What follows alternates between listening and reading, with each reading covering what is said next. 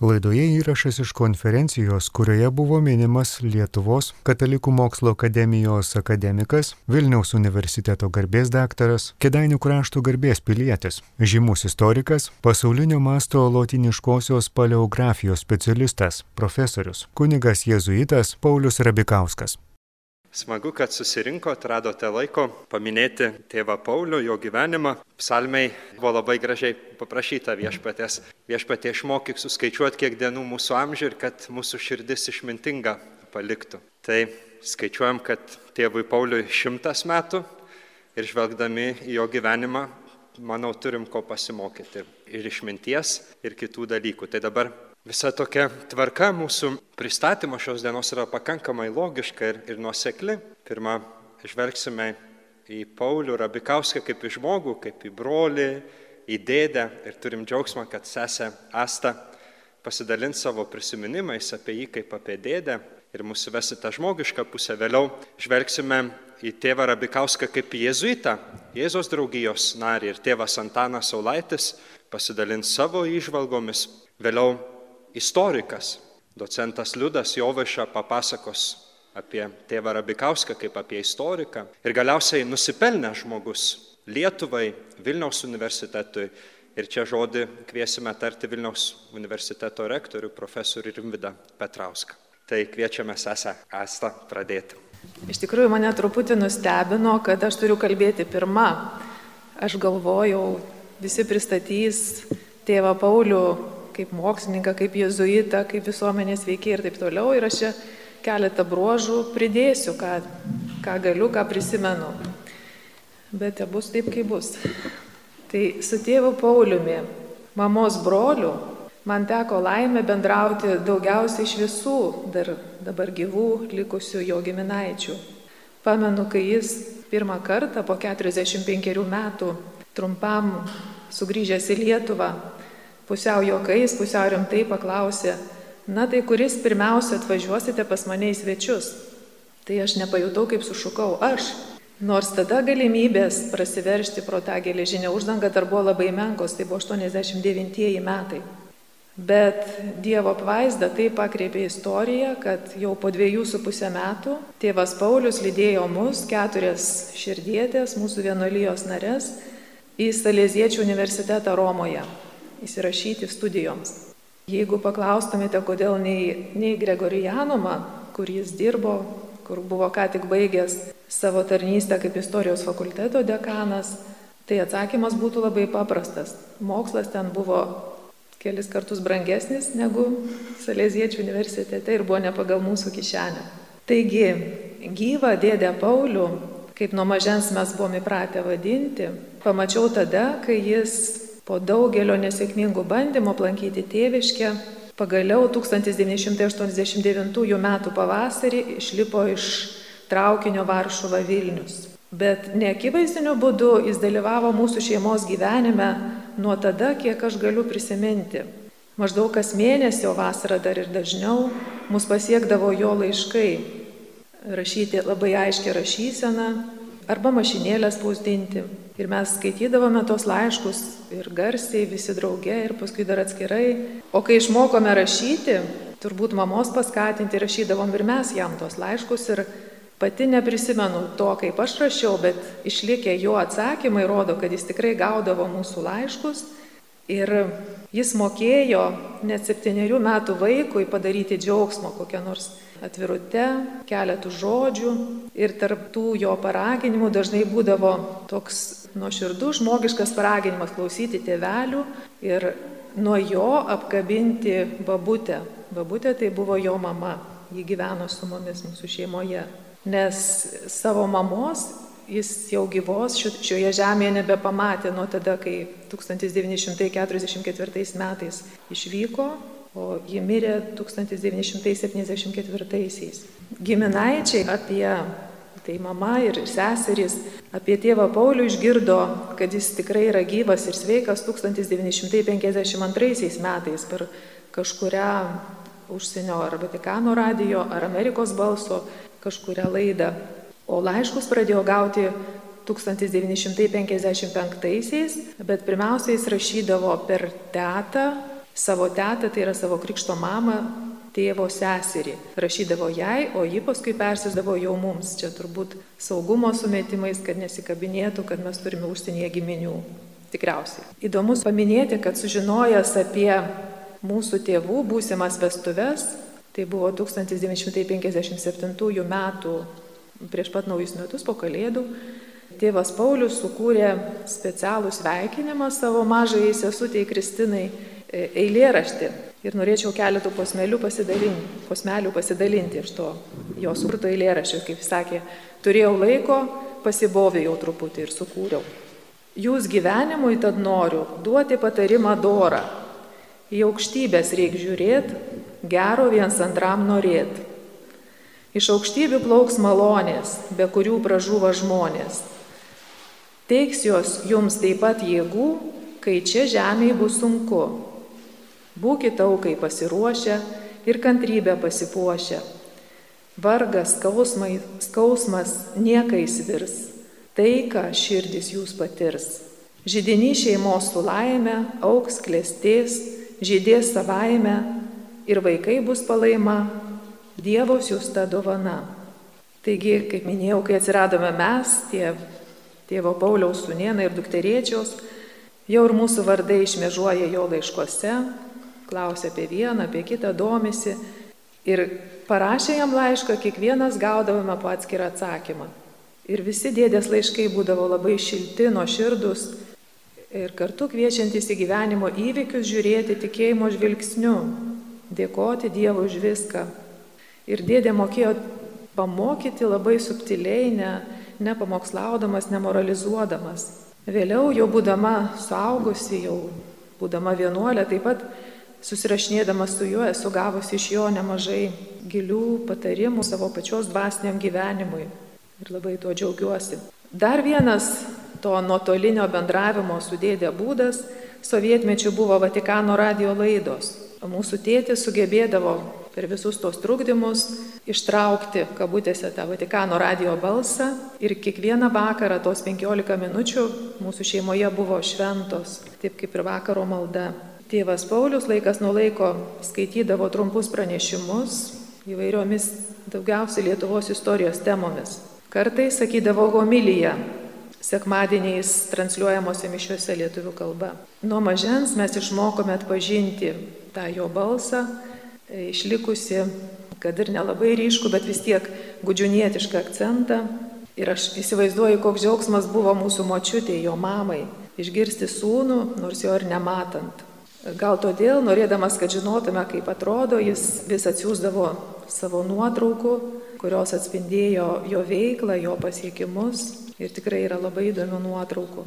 Na, o tie ketveri mano studijų metai Romoje buvo paženklinti gana dažnų, kas mėnesį arba kas du susitikimų su tėvo Pauliumi. Ir jis tikrai nuoširdžiai rūpinosi mumis, studijuojančiomis seserimis, kai mums sekasi, kai nepavyko mums apsigyventi kur nors vienuolynę, surasti vienuolyną, kuris priimtų mus keturias vargšės lietuvaitės, tai tėvas Paulius padėjo išsinuomoti būtą ir mielai mus aplankydavo. Tai 1991 metais kartu valgėme ir kūčias mūsų namuose, mūsų būte. Turėjom net kučiukų ir aguonų pieno, kas Italijoje yra, kaip suprantat, netai paprasta. Jei reikėdavo, jis nuolankiai ir paprastai pagelbėdavo ir kaip nuodėm klausys. O turėdamas laisvesnį pusdienį, pravesdavo ekskursiją po įdomiausias istorinės Romos vietas, taip pat žymes ir netokias žymes, mažiau lankomas bažnyčias. Ir mane visada stebino ir žavėjo jo fenomenali atmintis. Jis galėdavo labai įdomiai pasakoti apie vieną ar kitą objektą ir vardinti datas, faktus ir nenusibosdavo klausytis, o to žinios neišsekdavo. Ir jo erudicija buvo tikrai labai plati. Ne tik istorija, bet ir architektūra, muzika, literatūra, dailė. Kaip supratau, jo arkliukas buvo tos Romos vietos ir apskritai visa, kas susijęs su Lietuva o dar labiau su jezuitais, ypač kilusiais iš Lietuvos didžiosios kunigaikštystės. Tas vietas jis mielai parodydavo ir gaila, kad mano atmintis jau labai skilėta ir aš tikrai ne, neišsaugojau tos gyvosios enciklopedijos perduotų žinių. Kitas mane iki šiol stebinantis tėvo Pauliaus talentas - kalbų mokėjimas. Jis mokėjo tikrai daug kalbų. Tikrai žinau, kad kalbėjo, laisvai kalbėjo itališkai, vokiškai, prancūziškai, angliškai, o lotiniškai net dėstė keletą universiteto kursų, turbūt apie 20 metų. Bet labiau stebino sugebėjimas persijungti kabutėse iš vienos kalbos į kitą. Ir kadangi man pačiai tenka vertėjauti, tai aš puikiai suprantu, kokia Dievo dovana yra tas galėjimas atkalbėti vieną užsienio kalbą ir paskui kaip niekur nieko prabilti kitą. Ir dėdė yra pasakojęs, kad tik vieną kartą yra patekęs į komišką situaciją, kai Airijoje, lankydamas kažkokį miestą, vaikštinėdamas, apžiūrinėdamas, sutiko kitą žmogų ir tas jo kažko paklausė. Ir jis, norėdamas pasakyti, aš esu čia tik svečias, nieko negaliu paaiškinti, sumaišė kalbas ir vietoj gest pasakė gast, vokišką žodį. O tas suskambėjo panašiai kaip gaust, vaiduoklis, ar ne? Ir tas žmogelis, savaime aišku, atsitraukė nuo jo tatupstas ir daugiau nieko neklausė. Dar norėčiau pasidalinti ir tuo, kad man teko būti prie dėdės mirties.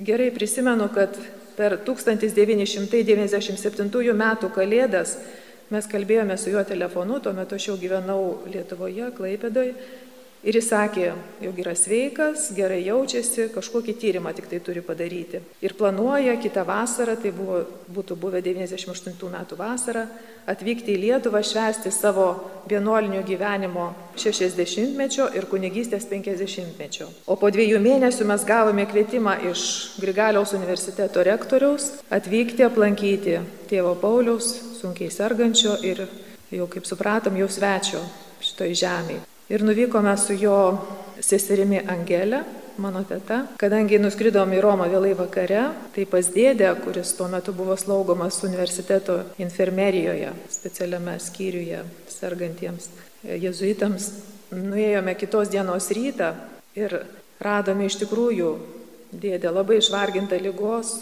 sunkiai bet pažįstama, bet jis taip apsidžiaugė mūsų atvykimu, jis taip klausinėjo apie viską, taip jam buvo viskas įdomu, tuo, tuo metu buvo arti rinkimai, neprisimenu kurie, ar prezidento, ar, ar Seimo, ir jis klausinėjo, kaip ten kas vyksta. Ir, ir mums atrodė, kad mes tikrai galėsim dar bent kelias dienas, savaitę pabūti su, su juo kartu, pabendrauti, gal pavaduoti tas įslaugančias seseles, nes ten Lenkijos seselės buvo prie jo. Bet viešpaties planai buvo kiti.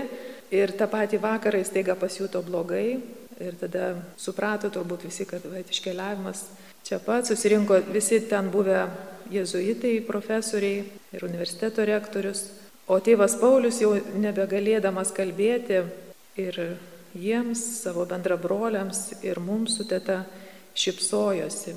Ir iškeliavo pas viešpatį visiškoje ramybėje, tikrai atsidavęs Dievo valiai. Ir dabar nesenai radau paskutinį jo laišką rašytą mūsų mamai, tai buvo maždaug tris savaitės iki mirties. Ir rašė taip, dabartinėje savo situacijoje, sakau, te būna viešpaties valia. Ir norėčiau, kad visi, kalbėdami tėvę mūsų maldą, labai sąmoningai tartų šiuos žodžius. Taigi esu tikra, kad jis jau amžino džiaugsmo namuose šventė savo ir vienuolystės, ir kunigystės sukaktis, ir savo amžiaus 80-metį, kuris, iki kurio buvo likę dar porą metų.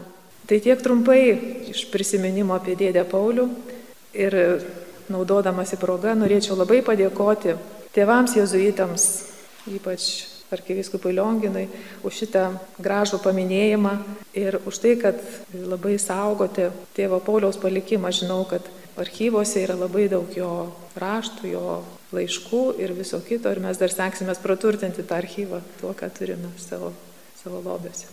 Ačiū. Tėvas Antanas Saulaitis. Mūsų romiečiai buvo tas žydinys priimti ir globoti svečius, kaip seserė taip gražiai pasakė, tiek dvasininkus, tiek žmonės iš užsienio ir palaipsniui iš Lietuvos. Bendradarbiavo su Švento Kazimiero kolegija, aišku, padėjau visiems palaikyti ryšį su įvairiom įstaigom, ar atvykusiems iš Lietuvos, ar iš kitur, su Vatikano pareigūnais, universitetų atskirais dvasininkais. Maloniai ir paslaugiai priimdavo svečius, lankytojus, mokslininkus, o man vis neštėdavo, neštėdavo sužinoti vis daugiau apie Lietuvos jėzuitų istoriją, vėliausius atradimus ir išvadas. Ta visa kalba apie Mindaugo krikštą, nustatyti dieną ir visa kita, čia nu laikų dalykai. Kartą svečia pripratusi prie bulvių kopūstų ir šoninės, jėdu Liuima ir Abikauskas nusivedė į jaukų restoraną netoli Tibero upės. Ten esame papročio prieš tikrą patiekalą valgyti makaronų lėkštę arba net pagrindinių patiekalų makaronus. Taip ant stalo atsirado špagečio pilna lėkštė. Malonus svečias toj pat ėmėsi priemonių tuos ilgus kaip špagatus makaronus sudoroti, uoliai šakutę ir peilių supjaustydamas į šipulius, visą jų lėkštę iš karto. Tėvai Liuima ir Abikauskas pajuto, kaip kaimininių stalų vietiniai gyventojai, pietautojai nulenkė iš gedulo galvas. Mūsų laikais užsieniuose lietuvių jezuitų provincijos dalis turėjo apie 30 narių. Daugumo karo metais studijavusius kitose šalyse, nuo Anglijos iki Italijos ir gera dalis išventinta karui besibaigiant karo metu ar netrukus po karo ir toj pat kibusius į pabėgėlių, tremtinių, ne tik lietuvių, bet iš viso tremtinių pabėgėlių sielovadą. Kai šie išemigravo perėjo į savo pastoves pareigas ir darbus. Mūsų lietuvių jezuitų užsienį centras buvo Čikagoje su viceprovinciolu ir nariais kitose šalyse. Tai tėvas Ravikauskas buvo kaip atstovas vietoje, Romoje. Jei reikėdavo ko skubaus atlikti, sužinoti ar pranešti, ar iš vis pasitarti, jis mielai pasitarnaudavo, kaip jau mes esam girdėję. Gal ir jo dėka mūsų koplyčios priekį Čikagoje puošia, puošia reliefinė skulptūra, kaip jezuitai 569 spalio atvyksta į Vilnių. Ir čia dabar, kai buvo minėjimas, 450 net buvo panaudota ta nuotrauka. Ir aišku, tėvas Rabikauskas buvo tais laikais tą progą 400 metų buvo mūsų burelio visuotinis suvažiavimas, taip sakant, provincijos užsienį, viceprovincijos užsienį. Labai svarbu ir tėvas Rabikauskas dalyvavo. Liko filmukas bei nuotraukos. Jėzaus draugijoje kas keletą metų vyksta vadinama prokuratorių kongregacija Tai suvažiavimas po vieną rinktą atstovą iš visų provincijų kartu su pagrindinė vadovybė Romoje. Taupydami lėšas, kas trejus ketverius metus lietuviai jezuitai, mes iš Čikagos, paskirdavo atstovų tėvą Rabikauską. Staupyti kelionę, aišku. Tų 90 prokuratorių suvažiavimo pagrindinis tikslas nustatyti, Ar reikalinga šaukti generalinę kongregaciją, tai yra visuotinį Jėzaus draugijos suvažiavimą, kokių keblių, degančių reikalų spręsti. Mes vieną kartą išgarsėjome kaip prokuratorių kongregacijoje už visuotinį sąskrydį, kad jis yra reikalingas dėl kažkokio svarbios priežasties. Iš 90 balsavo už suvažiavimą dvi provincijos Vietnamo ir Lietuvos, kaip tik kurios išgyveno priespaudą, čia būtų gera studija. Tikriausiai todėl, kad tėvas Rabikauskas, kaip ir visai eilė kitų jezuitų ir ne tik jezuitų, pergyveno dėl naujai iškilusių įsiemimų socialinio teisingumo srityje, sielovados. Mano laikais tėvo Rabikausko bendramžiai ir likimo dalininkai Taip pat per karus atskirti nuo Lietuvos savo tėvų, savo provincijos kamieno, nešiojo viltį, kad tėvas Rabikauskas parašys Lietuvos jėzuitų istoriją. Surinktų savo gausius straipsnius, biografėlės ir kitą medžiagą pagrindiniam veikalui. Prašydavome jo vyresniųjų sumažinti krūvį Gregorianume. Tačiau jis ne tik dėstė, bet ir bet jam patikėti yra administraciniai dekanų darbai. Ir vis dėlto kokia pagoda, kad daugybė straipsnių ir studijų jau išleista, tvirtai pagristos, tiksliai aiškintos, kaip sesė Aistė taip gražiai Asta paaiškino. Keturių storų tomų ispanų kalbos istorinis Jėzaus draugijos žodynas pagaliau mokslinis dokumentas, kuriame lietuviški vietovardžiai, pavardės įstaigos rašomos tvarkinga kalba ir tiksliais duomenimis tėvo Rabikausko straipsniuose apie Lietuvą, Latviją ir kiti. Buvo dar ir mažas projektas, kuris mums padėjo, grupelė mūsų jungtinėse, dar aš studijavau, mes sakėm, negalima aplankyti Lietuvos, tai einam padaryti knygutę apie lietuviškas vietas Europoje, vakarų Europoje, kurią visi galėjo lengvai lankyti. Ir paprašėm tėvo Rabikausko, jis surašė beveik tris puslapius tų visų vietų, kur yra ar Lietuvos herbas, ar kas nors ten gyveno, šventieji ir panašiai. Tai mes tą atspaudėm ir daug kartų dalinom, paskui su draugu buvom Paryžiuje ir mums tenai iš, iš Lietuvos atstovybės pravedžiojo ir mes padarėm sąrašą ir rinkom iš kitų šalių, o paskui jau galų galę tas, ne, ta, kuri kartu dirbo meno istorikė, turėjo kitų užsiemimų ir nutrūko.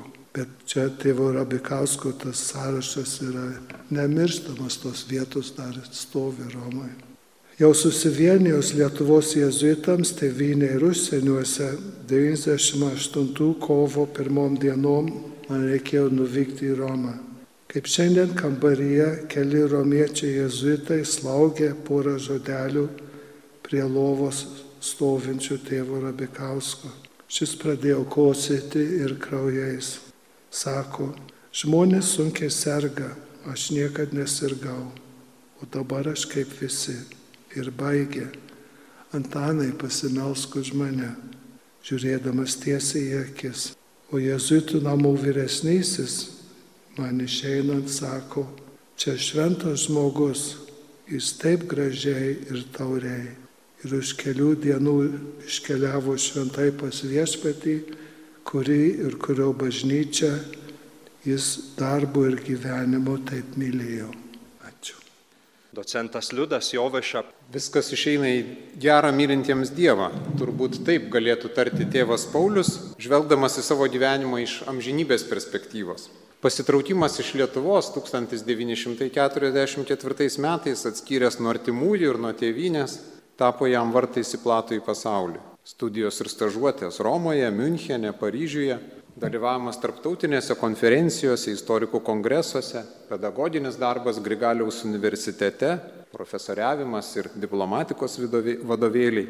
Administracinės ten eitos pareigos buvo bažnyčios istorijos fakulteto dekanas ir kurį laiką ir vicerektorius universiteto. Taip pat profesionalų ekspertinė veikla daugiau nei 20 metų redagavo popiežių istorijai skirtą žurnalą Archyvum Historija Pontificija, konsultavo šventųjų skelbimo kongregaciją. Pauliui Rabikauskui leido tapti be negeriausiai pasaulyje žinomų lietuvių istorikų. Šitą žinomumą, kurį jau seniai numaniau teoriškai, prieš porą metų gavau patirti praktiškai. Apie kądį per archyvo pietų pertrauką Romos bare Tūlas Šiaurės, Šiaurės Barbaras kalbėtųsi su kunigu profesoriumi Ugo Dovėrė iš Neapolio. Žinoma, apie tėvą Rabikauską, kuris kitados šiam profesoriui dėstė. Ir nors šio jo neužkretė nei savo asmenybės, nei dėstomo dalyko konkretaus žavesio, tačiau paliko kompetitingo, kritiško specialisto ir draudė iš po pirmo žvilgsnio kietoko išorinių lūkštų slipėjusio, geranoriško ir šilto žmogaus atminimą. Taigi profesorius Rabikauskas, kaip specialistas, istorikas, medievistas, pirmiausia specializavosi pagalbinių istorijos mokslų viduramžių popiežių kanceliarijos istorijos srityse. Jis pats sakė, kai Romoje po pagrindinių bažnyčios istorijos studijų ėmiau renktis pagalbinių jos mokslų specialybei, pastebėjau, jog prisiliesti prie istorijos šalti, prisilietęs prie istorijos šaltinių, tarsi pajunti jos pulsą, susiduri su gyva praeitimi. Tad, e, kaip būdinga turbūt šios rušies istorikams, Rabikauskas labai atsakingai žiūrėjo savo darbą, ypač preciziškai istorijos šaltinių publikavimą. Toks perfekcionizmas viena iš priežasčių šalia jo didelio užimtumo, kodėl tėvas Paulius paliko palyginti nedaug stambesnės formos publikacijų.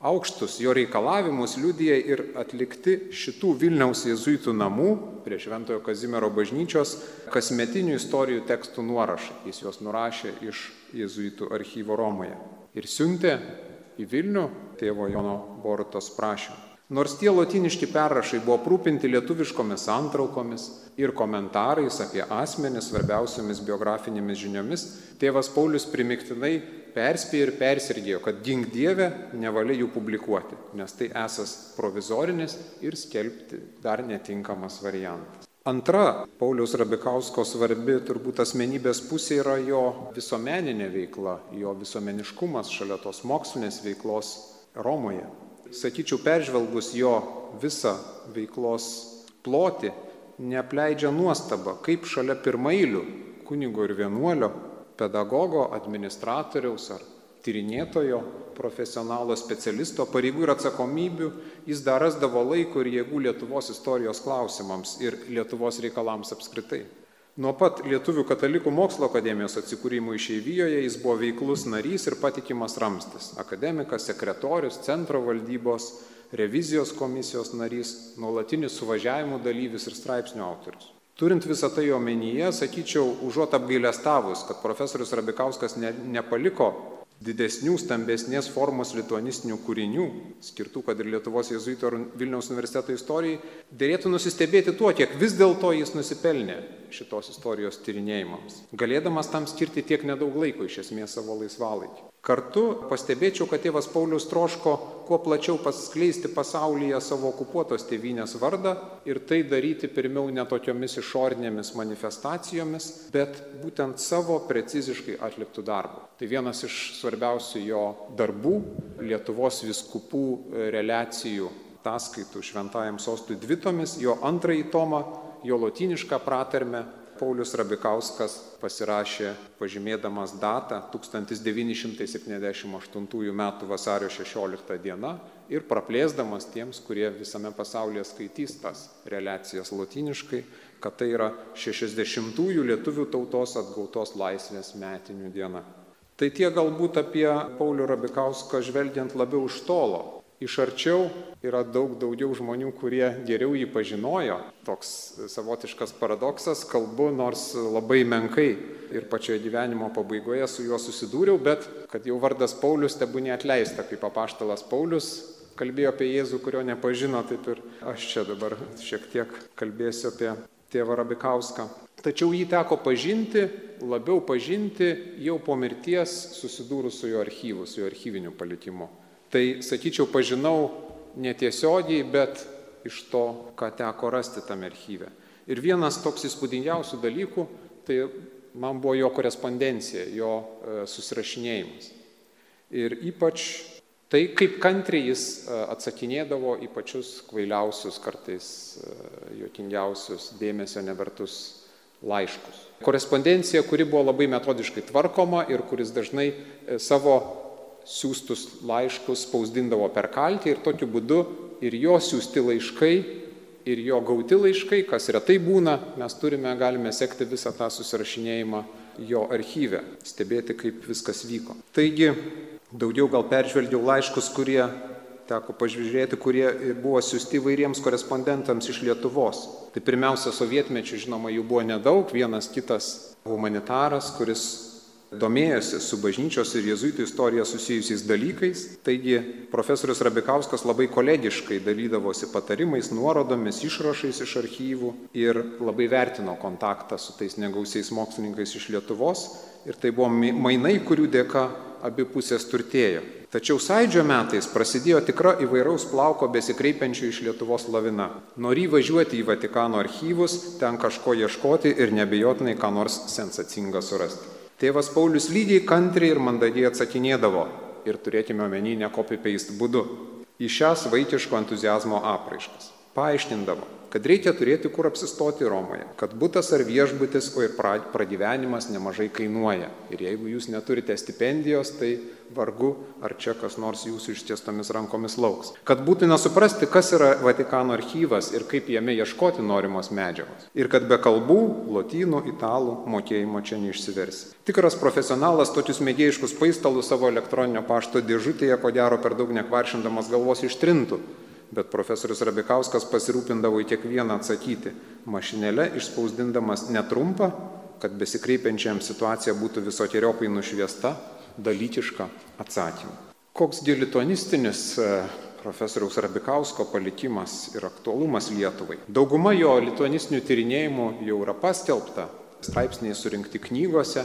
Beveik nieko neliko archyvinėme palikime, ko jis nebūtų išspausdinęs. Tai vėl rodo, kad viena vertus dirbo tikslingai, rašė tai, kam turėjo užsakymą arba ką planavo publikuoti, kita vertus tai, kad tikrai nebu, neturėjo tiek laiko, kad rašytų į stalčių kažkaip, ar ne, tokios prabangos tikrai negalėjo savo leisti. Tačiau drįščiau sakyti, kad nepaisant to, tų lietuviškų tekstų publikavimo, jie, nepaisant žinomumo siaurose tokiuose sluoksniuose specifiniuose, plačiau dar yra netrasti.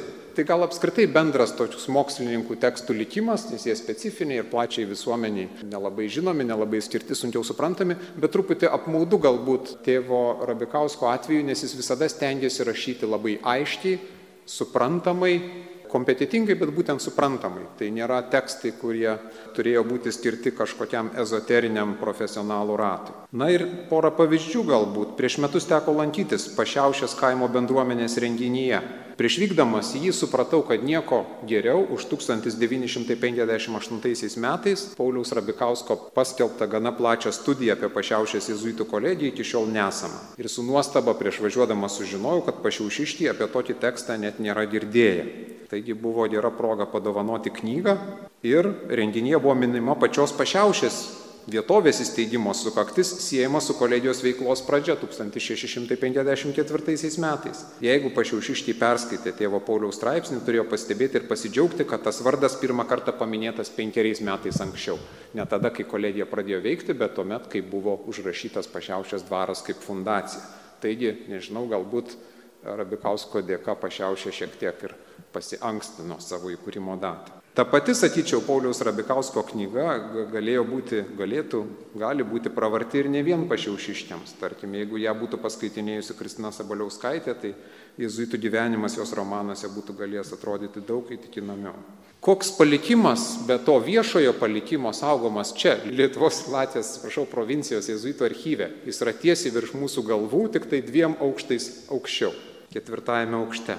Taigi sakiau, kad tokių tekstų kaip ir tyrinėjimų Rabikauskas beveik nebaigtų, nerealizuotų, pradėtų nepaliko, tačiau paliko daug vertingų Lietuvos jezuitų istorijos šaltinių. Pirmiausia, tai pasakytina apie kasmetinių jezuitų provincijos katalogų kopijas, kurių originalai saugomi Romos archyve. Jų reikėjo nuolat tėvui Pauliui, ypač laisvalaikiu, turbūt prisėdant prie lituanistinių dalykų, kai archyvas nedirba, ne, nedarbo dienomis, nedarbo valandomis.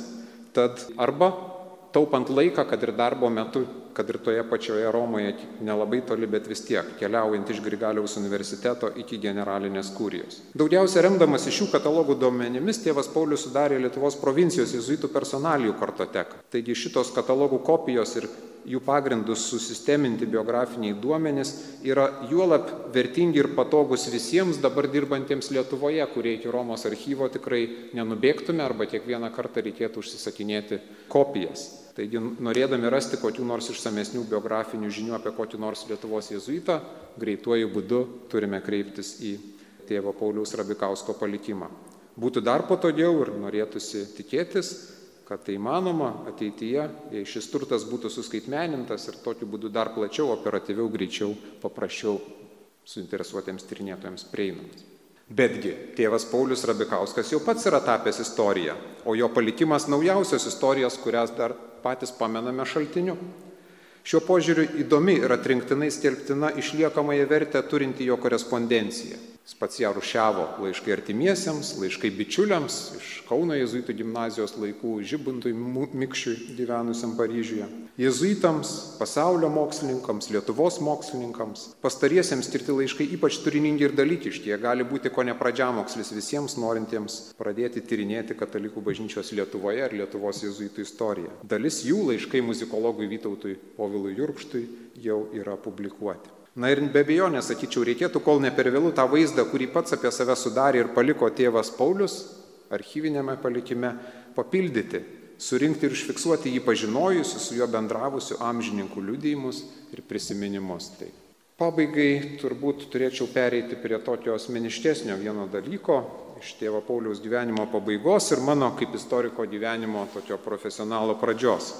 Tai yra toks kontaktas, iš kurio turbūt nešiojosi dvigubą tokį pavyzdį, dviejopą pavyzdį, koks turėtų būti, nežinau, istorikas ar mokslininkas ar šiaip žmogus.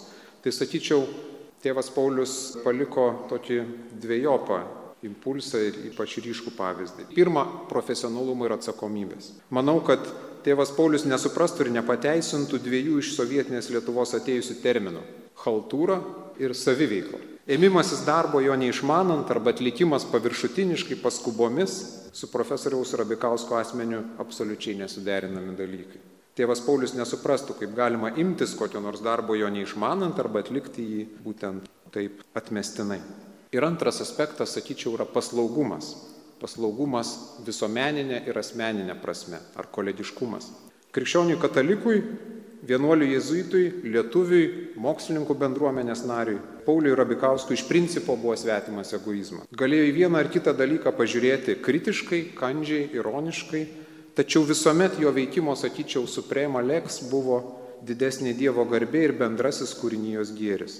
Matydamas geras mens valią, jo gebėjimų pradmenis, troštimo tobulėti, tėvas Paulius dalinosi ir dovanojosi dosniai, neskaičiuodamas tėvo Pauliaus Rabikausko gyvenimo pabaigoje teko versti tokį ilgą gana istorijos šaltinį, lotinišką tarp Viniaus spekulo vizitaciją, tai buvo 97 metai, buvau tik baigęs arba baigiantis istorijos studijas, dirbau šitoje gimnazijoje ir turbūt apie metų vidurį pavyko e, kažkaip paklausti tėvo Pauliaus, ar jis nesutiktų perskaityti verti, vertimo šito lotiniško ilgo teksto nes buvo labai baisu kažkaip tokiam geltonsnapiui imtis tokio darbo. Ir jis maloniai sutiko, šiam siūsdavau gabalais tą tekstą ir jis visą jį peržiūrėjo.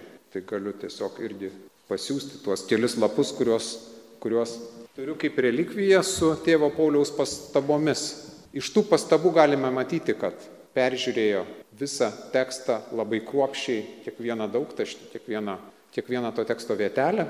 Ir antras dalykas, pasiskubino padaryti tą dalyką kuo greičiau, visada dega turbūt tie darbai.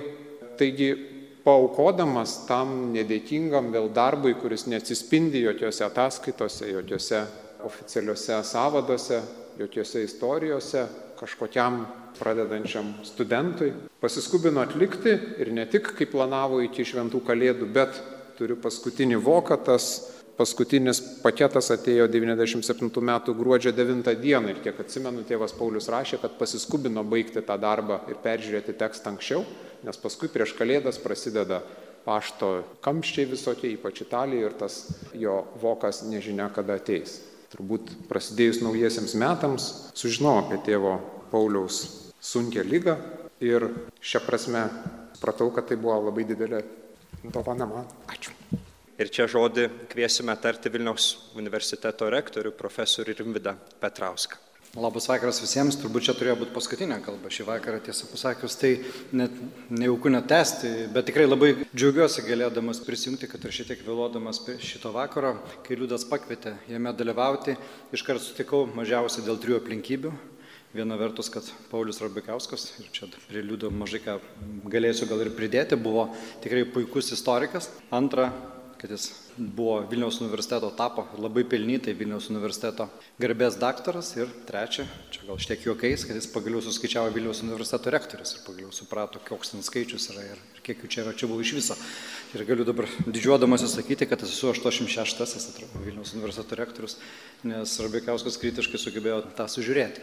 Bet kalbant apie Rabikauską, aišku, visų pirma, man kaip istorikui labai svarbu pastebėti, pasakyti, kad tikrai Liudas tą sakė, bet tikrai galiu pakartoti, tikrai retas europinio garso Lietuvos medievistas, tikrai turėjęs puikią mokyklą, baigęs studijas Müncheno universitete, dar studijavęs Romoje ir taip pat derinęs, kas yra tikrai, žinau, kaip yra sudėtinga derinęs mokslininko profesionalo ir administratoriaus darbus, tikrai vadovavo ir, ir fakulteto, e, buvo ir fakulteto dekanas, buvo vicerektorius ir kartu buvo iš tiesų pakankamai aktyvus visuomenininkas.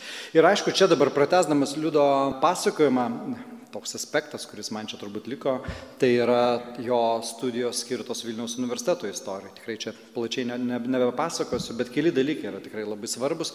Jis visų pirma, pirmasis tikrai taip kritiškai apžvelgė ir publikavo Vilniaus universiteto, nes tuo labai domėjosi Vilniaus universiteto steigimo dokumentus. Ir po to pratęsė e, šitą darbą įvairiais labai išblaškė, po to išsiblaškė, atėjo tekstai po įvairius leidinius. E, e, tekstais apie Vilniaus universiteto labai įvairius, tos daugiausia ankstyvosios istorijos aspektus. Liudo Jovišos dėka turime labai patogiai juos surinktus į vieną visumą ir čia irgi vakar prieš ateidamas peržvelgiau, nu, norėjau tą tomelį čia atsinešti, bet šiandien gal ketvirtas renginys, kuriame išėlės dalyvauju, palikau tą savo krepšį kažkur, kažkur pakeliui, tikiuosi rasiu, nes ir be knygos kitų dalykų svarbių yra. Tai tenai iš tiesų mes matome visą paletę Rabikausko viena vertus interesų, bet kartu ir matome, kaip jis dirbo su ta, su ta istorinė medžiaga, apie ką jis nerašė. Jis rašė apie tą tikrai sudėtingą ir labai komplikuotą Vilniaus universiteto steigimo istoriją, rašė apie rektorius ir jų biografijas, rašė apie apie mokslą Vilniaus universitete, rašė apie lietuviškumą Vilniaus universitete ir net apie Vilniaus universiteto pastatus, kur architektūros istorijos požiūrių, ten gal tik daugiau toks trumpas tekstas, bet vėlgi parodo, kaip visais aspektais jisai domėjosi ir tuose tekstuose iš karto matyti, nu, bet to profesionalo pagrindiniai dalykai. Jis iš karto bet, nuolat pabrėždavo ir turbūt teisingai pabrėždavo, nes matė istoriografiją.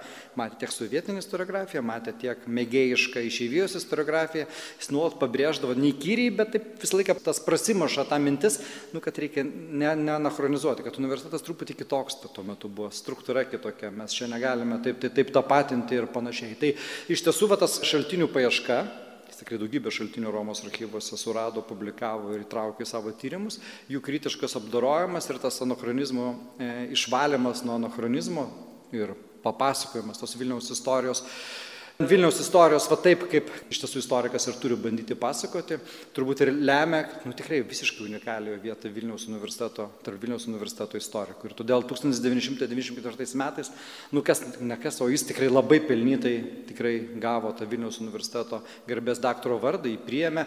Čia Liudas man atsiuntė jo kalbą, gaunant Vilniaus universiteto garbės daktaro vardą, tai aš savo leisiu pacituoti pabaigą tos kalbos, kuri irgi parodo tą santykį Arbikausko ir su, su universitetu, ir su istorija apskritai, ir su, su gyvenimu pagaliau. Tai kad prieš 400 metų ta kalba buvo tiesa pasakyta labai panašių laikotarpių, 94 metais rugsėjo 15 Šventų Jonų bažnyčioje. Prieš 400 metų Vilniaus universitete, palyginus su šiais laikais, buvo kitokia struktūra kitokie darbo metodai, kitokia gyvenamoji aplinka. Tačiau pagrindinis universiteto uždavinys tebėra ir bus tas pats - perduoti naujoms kartoms mūsų tautoje ir visame pasaulyje iki šiol sukauptus žinių lobynus, savo darbų ir lavinimui įsigausinti mokslo žinias ir taip padėti žmonėms kuo sėkmingiau įsijungti į šiandienos gyvenimo srautą. Nu, labai nedaug ką galima pridėti, kalbant apie universiteto misiją, kalbant apie akademiko gyvenimą. Tikrai labai džiugiuosi, kad galime čia minėti tą šimtmetį. Iširdingai dėkojame visiems tarusiems žodelį ir padėjusiems mums įsigilinti į tėvo Pauliaus Rabikausko gyvenimą, jo darbus. Girdėjote įrašą iš konferencijos, kurioje buvo minimas Lietuvos katalikų mokslo akademijos akademikas, Vilniaus universiteto garbės daktaras, Kedainių krašto garbės pilietis, žymus istorikas, pasaulinio masto lotiniškosios paleografijos specialistas, profesorius kunigas jėzuitas Paulius Rabikauskas.